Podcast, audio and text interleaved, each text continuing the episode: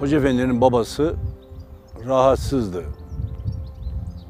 İzmir'den akşam gece 12'de bir otobüse bindik. Mahmut Sarıoğlu Köse, üçümüz Hoca Efendi. Ankara'ya gittik. Ankara'dan da uçağa bindik, Erzurum'a gittik. Erzurum'da iki üç gün kaldık. Hoca Efendi, tabii baba yatıyordu Ramiz amca. Hoca Efendi ihsas ettirdi. Yani burada ders çocukların geri aksıyor. Yani gidebilir miyim gibi bir. Bir iki üç gün daha kalsanız falan olur mu falan dedi. Sonra hemen arkasından gide evladım dedi. Burada sizi bir çift göz var bekleyen. Orada da binlerce göz var dedi. Ve bu sözden dolayı Hoca Efendi oradan döndük biz. İzmir'e geldik. Üç gün geçmedi. Vefatı haberi geldi. Buradan tekrar Ankara'ya kadar öyle gittik. Ankara'dan da uçakla, o zaman direkt uçak falan da yoktu, gittik. Define oldu. Oradan bir gün kaldık, oradan geldik buraya. Hoca Efendi'nin hizmete karşı hassasiyetini anne babalarından aldığı imani bütünlükle, aldığı numuneyle o duyguyu taşıdı. Sizi burada bekleyen bir çift göz var, orada binlerce Bunu baba fedakarlık yaparak. Anne ve babası Hoca Efendi'nin yani öyle bir evlat yetiştirmişler ki muhakkak e, her şey, meyve kendi cinsinden gelir yani. Bu, o kökten. Dolayısıyla İzmir'de de oturdu. Ya evimize yakındı. Bu hoca anne deriz. Bütün arkadaşlarımız hitap ederken hoca anne diye hitap ederiz biz. Hoca anne. Hoca Efendi'nin annesi, annemiz kabul ederiz. Hoca anne. Allah burada nasip etti, burada vefat etti, burada defni oldu. Karşıyaka'da. Bildiğimiz aile ve evlerine gidip geldiğimiz, Erzurum'a da gittiğimiz zaman orada kalırdık. Hocamla beraber giderdik, orada kalırdık. Biliyorum, bildiğim bir aile.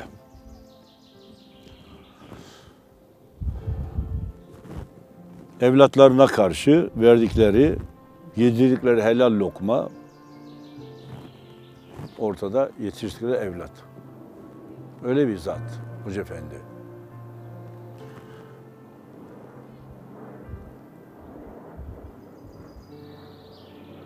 Öyle biliyorum kardeşim. Annesi tabii hiçbir zaman e, erkekler görmesi mümkün değil. Zaten ferecel gezerler. Biz de öyle geriden öyle bir defa yüz yüze. O da Erzurum'da gittiğimiz zaman.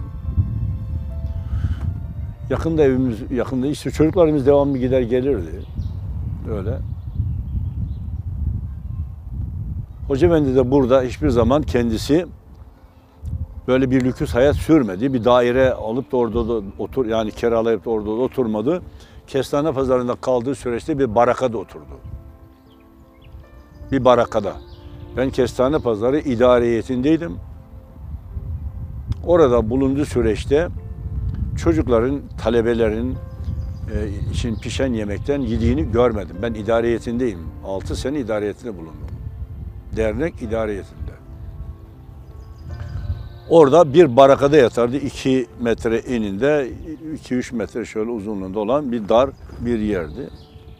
Orada yattı, kalktı. Talebelerin başında bulunmak için. Böyle bir hayat sürdü Hoca Efendi. Böyle e, uzun yani Hoca Efendi'nin o yaşayışı herkese öyle yaşıyordu falan yaşıyor yaşamıyor bizi ilgilendiren. Hoca Efendi'nin yaşadığını öyle yaşadığını gördüm. Oradan da ayrıldıktan sonra gene bir odalı bir yer tuttu. Kira orada kaldı.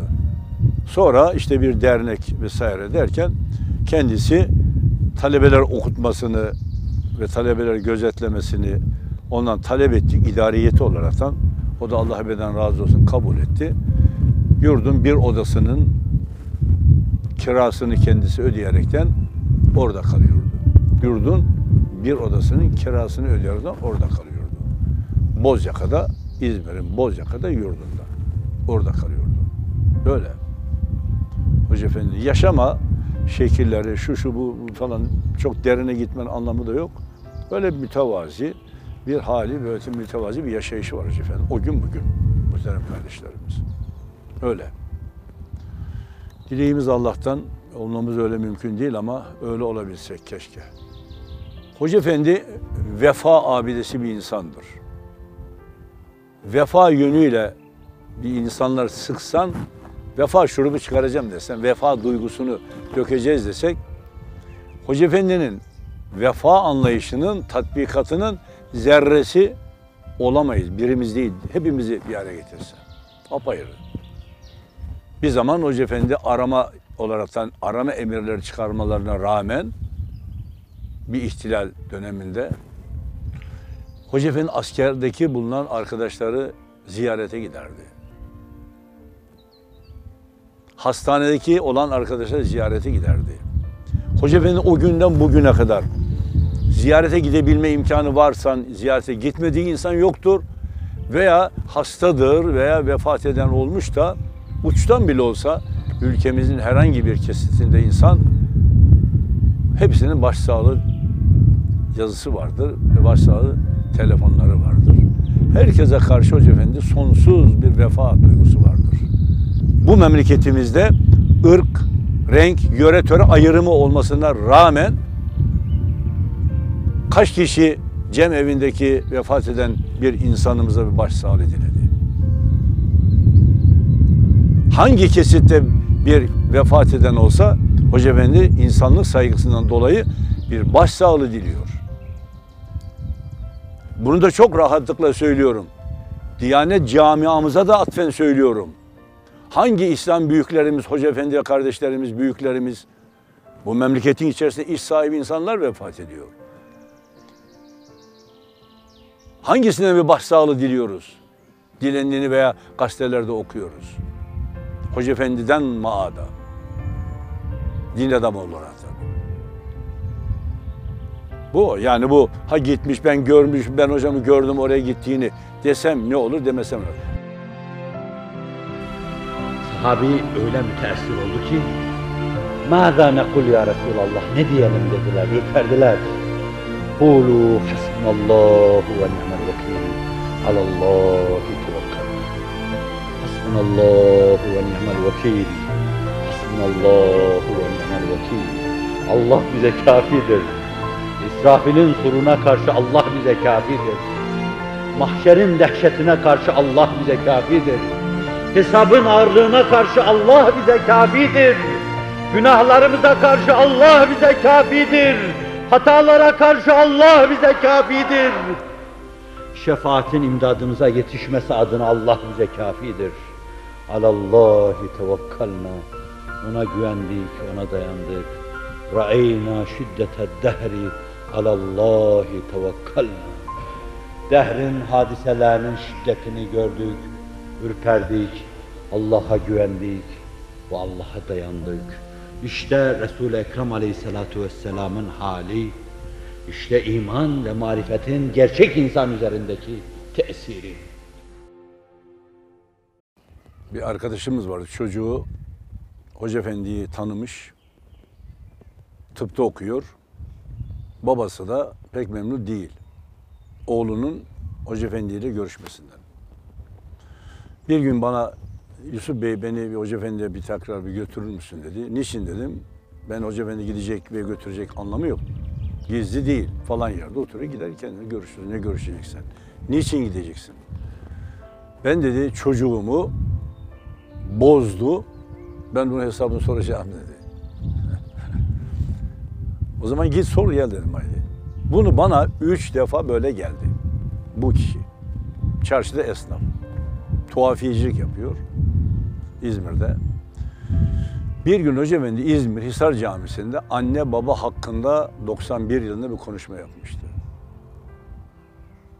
Günlerden pazar. Orada konu anne babanın önemini anlat Hoca Efendi. Pazartesi, pazar günü konuştu. Pazartesi bu arkadaşımız tekrar geldi. Yusuf Bey dedi bak üç defa geldim götürmedin. Beni Hoca Efendi'ye bir götür dedi. Hayır niçin götüreceğim? Sen niye ısrar edip duruyorsun dedim. Ben dedi çok büyük hata ettiğimi, günaha girdiğimi ve gideceğim, bir özür dileyeceğim ve helallaşacağım dedi. Ne oldu ki dedim. Ben Hoca Efendi'yi bugüne kadar anlayışım insanların evlatlarının babalarından koparıyor, yanlış yola sevk ediyor diye değerlendiriyordum. Dün Hisar Camisi'nde anne baba hakkındaki vaazını dinledim. O zaman anladım ben Hoca Efendi'yi. Bizim yapamadığımız, veremediğimiz evlatlarımıza terbiyeyi verdiğin anı. Ben şimdi anladım dedi. O gün de sizi götürmedim. Şimdi götürücü de değilim. Gidersin orada yeri belli dedim. Hoca Efendi'nin yani insanlık adına, hepimizin adına, hele bugün gençlik adına bir insanlar toplumu meydana geldi insanlarda. Birbirini tanımayan kop, ko- insan, kopuk insanlardık biz yaş grubuna olaraktan. Ama şimdi Allah'ımız hamdolsun ki böyle çok birbiriyle içtenlikle şeyden insanlar buluşan. Mesela bir kermes günleri oluyor. Hanımlar bir araya gelebiliyor yani. Birbirini tanıyan insanlar da oraya geldiği zaman görüşüyorlar. Aynı duyguyla bir araya geliyorlar. Evinde pişiriyorlar bir şeyler, kendileri yapıyorlar. Getiriyor orada yiyorlar veya satıyorlar. Onun da artan parası olursa onunla da bir çocuk okutabilir miyiz acaba diye. Şekerini, ununu, yağını evinden koyuyor. Onun ücretini de parasını da alıp da bir çocuğa yardım yerinde kullanma. Ve bir de birbirlerinin tanımı oluyor. Onun için gerek bu hanımlar veya erkekler biz sokakta yürürken birbirimize selam vermeyen toplumduk. Ben Hoca Efendi'nin beni yönlendiren bir şeyle karşılaştım. Ben sokakta dövüşen insandım. Altı sene dövüştüm. Sağcıyım diye. Bir gün kavgaya gittim. İzmir'de Atatürk heykeli var. Cumhuriyet Meydanı diyoruz oraya. Solcuların etkinliği olur. Onu boykot için sağcı kesim gidiyor. Sağcının etkinliği bir günde onlar giderler birbirlerine. İzmir'de Kesteli Caddesi'nde bir tornacı vardı. Değnek üretirdi bize. Böyle keser sapı gibi böyle değnek üretirdi. Devamlı. Her insan oraya kavgaya giderken ikişer tane vücudumuzda taşıyorduk. Birisi ceketin altında, birisi de kolumuzun içerisinde giderdik. Kestane Pazarı idariyetindeyim. Fethullah Hoca'yı devamlı dinliyorum. Esnafım. Akşamları ve gündüzde böyle kavgaya da gidiyoruz. Solcu ve sağcı akımı. Gittik oraya bir gün. 67. Şimdi böyle etkinlik yapacak olan insanlar bir toplantı halinde onun etrafında bir sıra polis, bir sıra da asker çevirirdi koruma olarak da. Dışarıdaki kalan işlere aşırtmacı taş atıyorduk. Orada Hoca Efendi gelmiş oraya. Beni görmüş. Bir seslenen var Yusuf Efendi'ye. Döndüm. Hocam böyle utandım. Burada ne işin var dedi bana. Hocam dövüşmeye gelmiştik dedim. Kiminle dövüşüyorsunuz dedi. Solcularla. Sen nesin dedi bana. Ben sağcıyım dedim. Neden dövüşüyorsunuz dedi. Solcu olduğu için. Ama o solcu, sen de savcı mısın? Evet. Ama aynı işi yapıyorsunuz ya dedi. Yaptığınız fiil aynı. O da dövüşüyor, sen de dövüşüyorsun. Senin artın eksin ne? Onun artısı eksisi ne dedi. Ve sonra niçin dövüşüyorsunuz dedi. Solcu olduğu için dedim. Hem dövüşmüyorsunuz ki dedi bana. Hocam tahrik mi ediyor? Benim 20 tane adamım var burada. Arkadaşlarım böyle grupla geliyoruz. Biz burada kavga etmeye geliyoruz dedim. Dövüşmüyorsunuz dedi. Hocam dedim dövüşüyoruz dedim. Kardeşim siz dövüşmüyorsunuz dedi. Solcu istemiyor musun? Sol istemiyor musun dedi. Niye isteyeyim ben solu hocam dedim. O zaman Allah'ın yarattığı uzuvların var. Biri sağ, biri sol. O zaman vücutunda ne taşıyorsun şu solu istemediğin solu? Kesersin, atarsın. O bir pislikse kurtulmuş olursun dedi. Sağında kalırsın dedi yalın olaraktan. Nasıl bir insanın vücutunda bir sol bir sağ varsa insan toplumunda da bu olur dedi. Nasıl vücudundan kesip atamıyorsan onu da atamazsın. Sonra neden dövüşüyorsunuz dedi. Dövüşmüyorsunuz çünkü siz dövüştürülüyorsunuz dedi. Başka ülkenin insanları buradaki piyonlarıyla beraber oluyorlar. Ülkemizin gençliğini, ülkemizin maddi kalkınmasını istemeyen hainler bizim ülkemizin gençlerini birbirine kırdırıyorlar dedi. Ülkeyi tahrip ediyorlar dedi. Yıl 1967. Siz dövüşmüyorsunuz, dövüştürülüyorsunuz dedi bana. Bana dedi ki dön, yürü dedi, buraya bir daha gelme dedi. Anlıyor musunuz? Bu Fethullah Hoca Efendi'nin benim şahsıma göre çok ufki bir görüş, temel bir oluşturma. O gün ve bugün.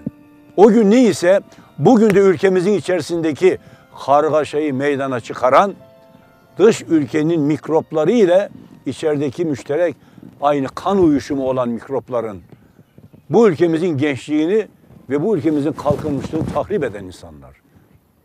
Anladınız mı kardeşim? Hoca Efendi'nin, Fethullah Hoca Efendi'nin görüşüne bakınız. Sene 1967 söylüyorum. Bugün 90, 2014. Anladınız mı? İşte Hoca Efendi budur. Hiçbir zaman memleketin tahribine gitme öyle yoktur. Hiçbir zaman. Böyle insanlara doğru yolu gösteren, ülkeye zarar vermeyen insanlar olarak yetiştirmek isteyen bir büyüğümüz. Öyle bir zat Hoca Efendi kardeşim. O güven insanıdır. Ona güvenen, iman eden, ona dayanan, halkasına giren insanların baş aşağı ihlasın zirvesinden o derin çukura düşmesine nasıl müsaade eder? O bir namus hassasiyeti içinde güvenilirliğini bütün hayatı boyunca korumuş ve Muhammedül Emin hakikatine katiyen gölge düşürmemişti. Rabbimin inayet ve keremiyle biz aynı emniyet mülahazasıyla ona bakıyor. O kumandanı azama, o serdar Ekrem'e, o Allah'ın yaveri Ekrem'ine aynı mülahaza, aynı düşünceyle bakıyor. İffetini iffetimiz, emniyetini emniyetimiz, eminliğini eminliğimiz kabul ediyor. Sanki akabede ona biat eden ashab-ı kiramın dedikleri gibi canın canımız ya Resulallah, malın malımız ya Resulallah, iffetin iffetimiz ya Resulallah, haysiyetin haysiyetimiz ya Resulallah diyoruz, diyeceğiz, demeye devam edecek. Ona karşı güvenimizi, güven insanına karşı güvenimizi koruyacağız Rabbimin inayet ve keremiyle. En son Hoca Efendi'nin yanına ben 2013'te 12. ayın 10'unda gittim. Ayın sonunda geldim. Orada e, görüşmelerimiz işte eski nasılsa böyle sohbet. Oradan da buraya ayın birinde falan döndüm. Yani 2014'ün birinci ayının birinde falan İzmir'e geldim. Böyle görüşmelerimiz orada oldu. Görüşmelerimiz anlattığı konular, kitabi olarak anlattığı konular. Ama ben Hoca Efendi'yi e, anlattığım şeylerle insanlara da anlatacak, anlatabilmiş değilim. Ancak herkes kendi anlayışıyla değerlendirir. E, ben buradaki temennim bütün insanlar insanlarımıza Allah birlik ve beraberlik şuuruna mahrum etmesin. Allah'ımıza karşı saygımız, her şey yaptığımız Allah'ın rızası istikamete yapalım. Yani senin aleyhinde söyleyenlere de, lehinde söyleyenlere de aynı düz orantıda bırak. Vardır bir hatalarımız bizim düşüncesiyle. Hatalarımızı hatırlatan insanlara da Allah ebeden razı olsun. Hatalarımızı düzeltiriz ve teşekkür de ederiz. Kimsenin de hatan var senin demeyiz. Hatalı kendimizi kabul ederiz. İlk önce insan nefsine baksın. Kimseyi suçlu görmesin. Onun için bizim inancımız, bizim tatbikatımız, büyüğümüzden gördüğümüz olgu bu. Hiçbir insana hakaret etmeyin, kötü söylemeyin. Kendi hatalarını düzeltmeye gayret edin. Senin koynunda bir yılan var, bir akrep var diyene beddua okunmaz, rahmet okunur. Allah razı olsun kardeşim denir. Onun için bir de şu var, bir sözü vardır. Diyor ki bazı arkadaşlar kendi aralarında anlaşamazlar da bir ölçü olaraktan söyler. Diyor ki Hint yogisi kobra yılanla anlaşıyor. Onu eğitiyor. Onu istediği istikamete yönlendiriyor. E siz bir insan olaraktan Hint yogisi kadar bir karakteriniz, kabiliyetiniz yok mu? Sen Nur Efşan insanla anlaşamıyorsun. İki arkadaş anlaşamıyorsunuz. Et tırnak mesabesinde bir yerde, bir ülkede, bir şehirde, bir iş yerinde çalışan insanlarla anlaşamıyorsunuz. Da Hind'in yogisi kobra yılanla anlaşıyor. O kobra yılan burada insandan daha mı muhsin? Yani buradaki insan daha mı vahşi? O buradaki insan o yılandan daha mı vahşi? Siz kendinize bakın. Kobra yılanıyla anlaşan Hind yogisi iki arkadaş anlaşamayan Müslümanım diyen insanlar. Yazıklar olsun der. Bak insanları anlaşma olaraktan bir ölçü derken bunu veriyor efendi. Hind yogisi kadar olamadınız mı? O kobra yılanla anlaşıyor, sen bir Müslümanla anlaşamıyorsun. Evet. O açıdan biz hepimiz bir insan olaraktan, şu ülkenin insanlar olaraktan hepimiz birbirimize karşı saygılı olalım. A'dan Z'ye kadar. Devletimizin başından sıfır noktasına kadar.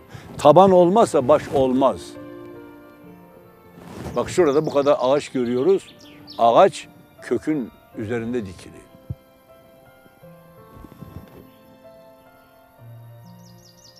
Bak. Bu bak. Allah'ın yarattığı tabiat. Hepimize her şeyi gösteriyor. Kök olmazsa bu ağaç durmaz. Kes kökü ilk önce kurur gider. Onun için Allah tabanıyla, tavanıyla hepsini bir etsin inşallah ülkemizin. Allah huzurumuzu bozmasın. Allah cümlenizden razı olsun. Bir vesile oldunuz. Ben de bunu bilir bilmez bir şey konuştumsa hatalarımdan dolayı Allah'tan da affı dilerim. Sizlerden özür dilerim. Selamun aleyküm kardeşlerim. İnsanlık İslam'a emanet. İslam Allah'a emanet. İslam Kur'an'a emanet. İnsanlık Hazreti Muhammed'e emanet. Hazreti Muhammed Allah'a emanet. Yeryüzündeki insanlar emin insanlara emanet. Kitleler, yığınlar aydın insana emanet. Irz, namus, haysiyet, şeref, toprak askere emanet. Asker kumandanına emanet. Kumandanı vicdanına emanet. Vicdanı Allah'a emanet. Ve hepimiz Allah'a emanet. Bu duygu, bu mülahazayla siz bir emniyet tesis eder, emniyet ve güven dağıtırsınız etrafa.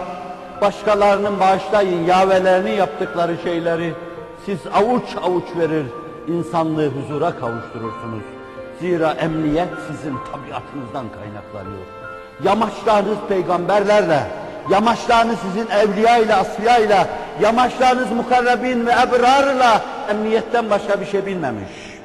Gelecekte de inşallah en âli manada bu emniyeti temsil edecek ve insanlığı huzura kavuşturacaksınız.